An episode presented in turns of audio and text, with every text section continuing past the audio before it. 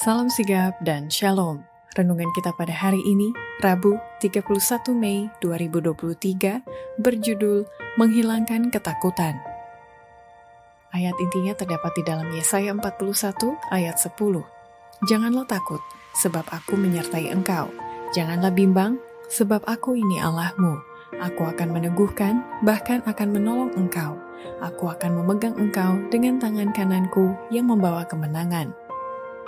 Pena Inspirasi menuliskan yang dimaksud dengan judul renungan kita pagi ini, menghilangkan ketakutan, adalah sebuah panggilan kehidupan yang praktis agar kita senantiasa menunjukkan keceriaan dan kepuasan sebagai faktor yang menunjang kebahagiaan sejati dan sarana untuk memulihkan hubungan kita secara vertikal kepada Tuhan dan horizontal dengan sesama sebagai berikut. Pertama, Perkataan Yesus bisa efektif dan dirasakan menghilangkan ketakutan bila mana kita percaya, meminta, dan bertindak dalam keberdaya gunaannya. Sebagai penata layan kasih karunia surga, kita harus meminta dalam iman dan kemudian menunggu dengan percaya akan keselamatan Allah. Kita harus datang ke hadiratnya, mencoba dengan kekuatan kita sendiri untuk mewujudkan apa yang kita inginkan. Dalam namanya kita meminta, dan kemudian kita bertindak sebagaimana kita percaya dalam keberdaya gunaannya.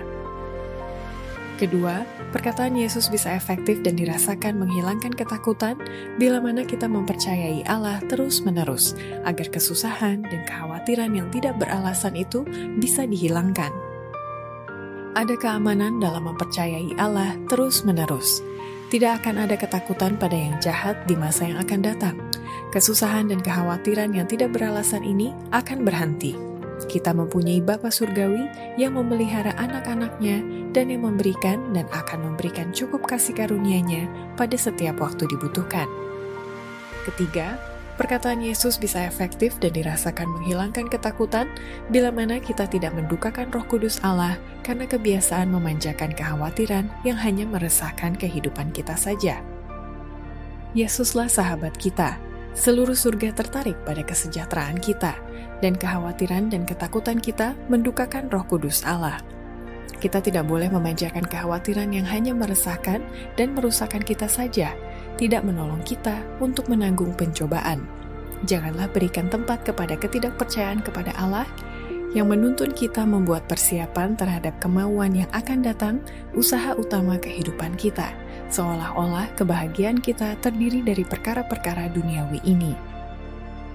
Keempat, perkataan Yesus bisa efektif dan dirasakan menghilangkan ketakutan bila mana kita mengikuti ajaran agama berdasarkan Alkitab, firman Tuhan, yaitu ajaran kabar Injil kasih karunia Allah yang mengangkat jiwa kita.